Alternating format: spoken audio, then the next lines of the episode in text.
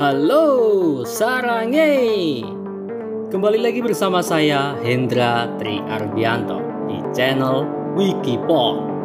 Sebuah media yang mencoba membumikan teori-teori politik agar lebih mudah dipahami dan dimengerti.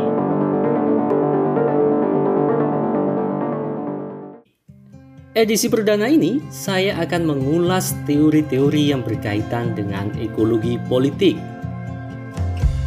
Salah satunya adalah antroposentrisme. Apa itu antroposentrisme? Antroposentrisme adalah paham yang melihat manusia sebagai pusat dari segala sesuatu. Dunia dan segala isinya kira-kira hanyalah demi manusia Sisanya ya sebagai pelengkap, sebagai penonton saja. Dari mana paham semacam ini bermula? Beberapa ilmuwan menyebutkan setidaknya ada dua jalur mengapa antroposentrisme atau pandangan yang melihat manusia sebagai pusat segala sesuatu begitu kuat. Jalur yang pertama adalah jalur doktrin keagamaan Hal ini bisa dilacak dalam sebuah artikel yang ditulis oleh Lynn White yang berjudul The Historical Root of Our Ecological Crisis yang terbit tahun 1967. Dia mengatakan bahwa antroposentrisme menguat salah satunya adalah andil dari doktrin Christianity. Sebenarnya jika ditarik lebih jauh, tidak hanya Christianity, tetapi lebih pada agama-agama samawi atau agama-agama yang turun dari langit, seperti Yahudi, Christianity, maupun Islam. Mengapa Lynn White menyebut demikian? Ia berangkat dari asumsi berpikir semacam ini.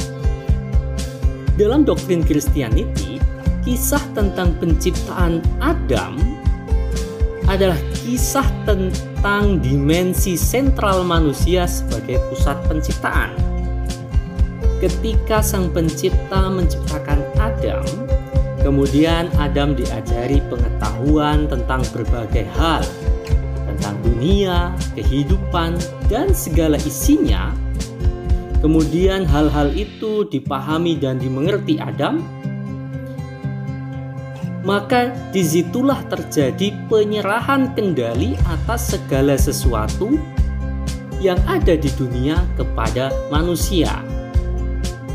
Dalam konteks ini, diasumsikan bahwa Tuhan menghendaki manusia untuk mengeksploitasi alam dan segala isinya untuk memenuhi tujuan-tujuan manusia.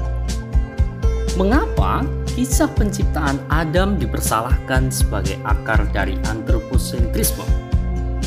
Hal ini dianggap karena sebelum era kemunculan Christianity atau agama-agama yang turun dari langit, banyak aliran paganisme yang cenderung politeistik atau banyak dewa.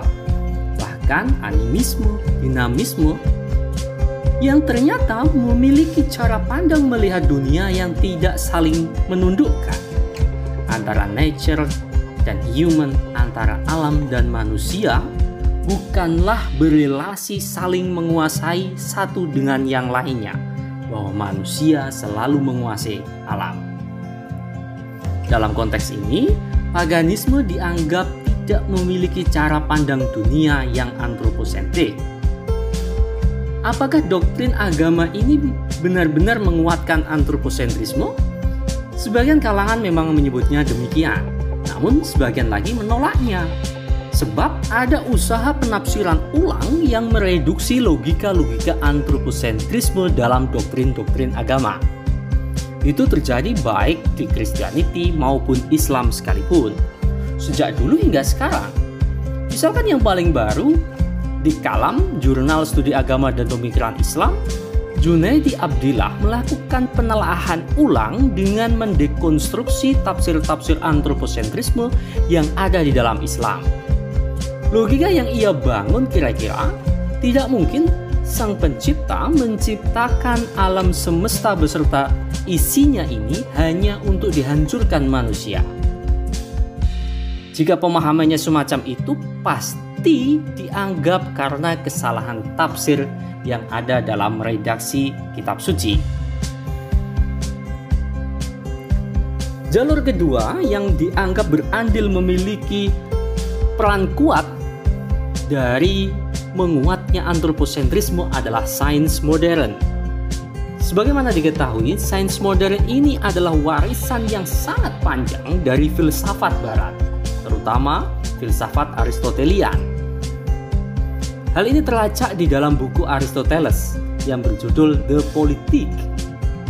Di buku tersebut ada sebuah kutipan yang sering kali dirujuk sebagai yang keladi dari sisi sisi filsafat Aristotelian yang cenderung antroposentris, yakni tumbuhan diciptakan untuk kepentingan binatang dan binatang disediakan untuk kepentingan manusia. Tradisi menempatkan manusia secara lebih dominan itulah yang dilanjutkan terus-menerus oleh pemikir-pemikir barat hingga dalam tradisi filsafat modern. Sebagai contoh, Rene Descartes, seorang filsuf yang menandai era filsafat modern yang dikenal sebagai pencetus rasionalisme dan sangat terkenal dengan ucapannya I think therefore I am. Saya berpikir maka saya ada. Karena manusia berpikir, maka hanya manusia yang ada binatang-binatang, tumbuhan, benda lain yang ada di alam semesta yang tidak berpikir tidak memiliki posisi seistimewa manusia. Tradisi semacam ini berlanjut dari filsuf satu ke filsuf yang lainnya. Dari Aristoteles ke Rene Descartes, kemudian berkembang ke Immanuel Kant hingga dalam tradisi filsafat sains modern. Makanya kemudian kita menyaksikan sebuah keangkuhan yang luar biasa dari sains yang merasa mampu mengendalikan alam di bawah kendalinya. Sains seolah merasa bisa mengeksploitasi apa pun di alam semesta dan kemudian bisa memperbaikinya. Contohlah ilmu-ilmu yang ada di universitas. Ilmu-ilmu kampus ini merasa dengan teknikalisasi alam, alam bisa direkayasa Mahasiswa kemudian diajari bagaimana merekayasa alam, bagaimana mengeksploitasinya, namun juga bagaimana mengembalikan seperti sedia kala.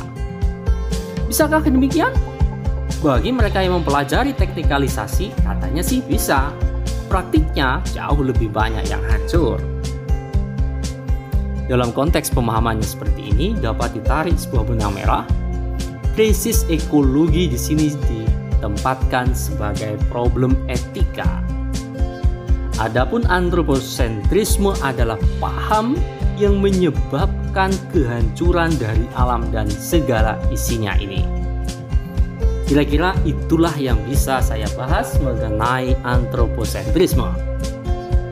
Pada edisi-edisi yang lain nanti saya akan kenalkan salah satu perusak yang jauh lebih destruktif dibanding antroposentrisme, yakni kapitalisme.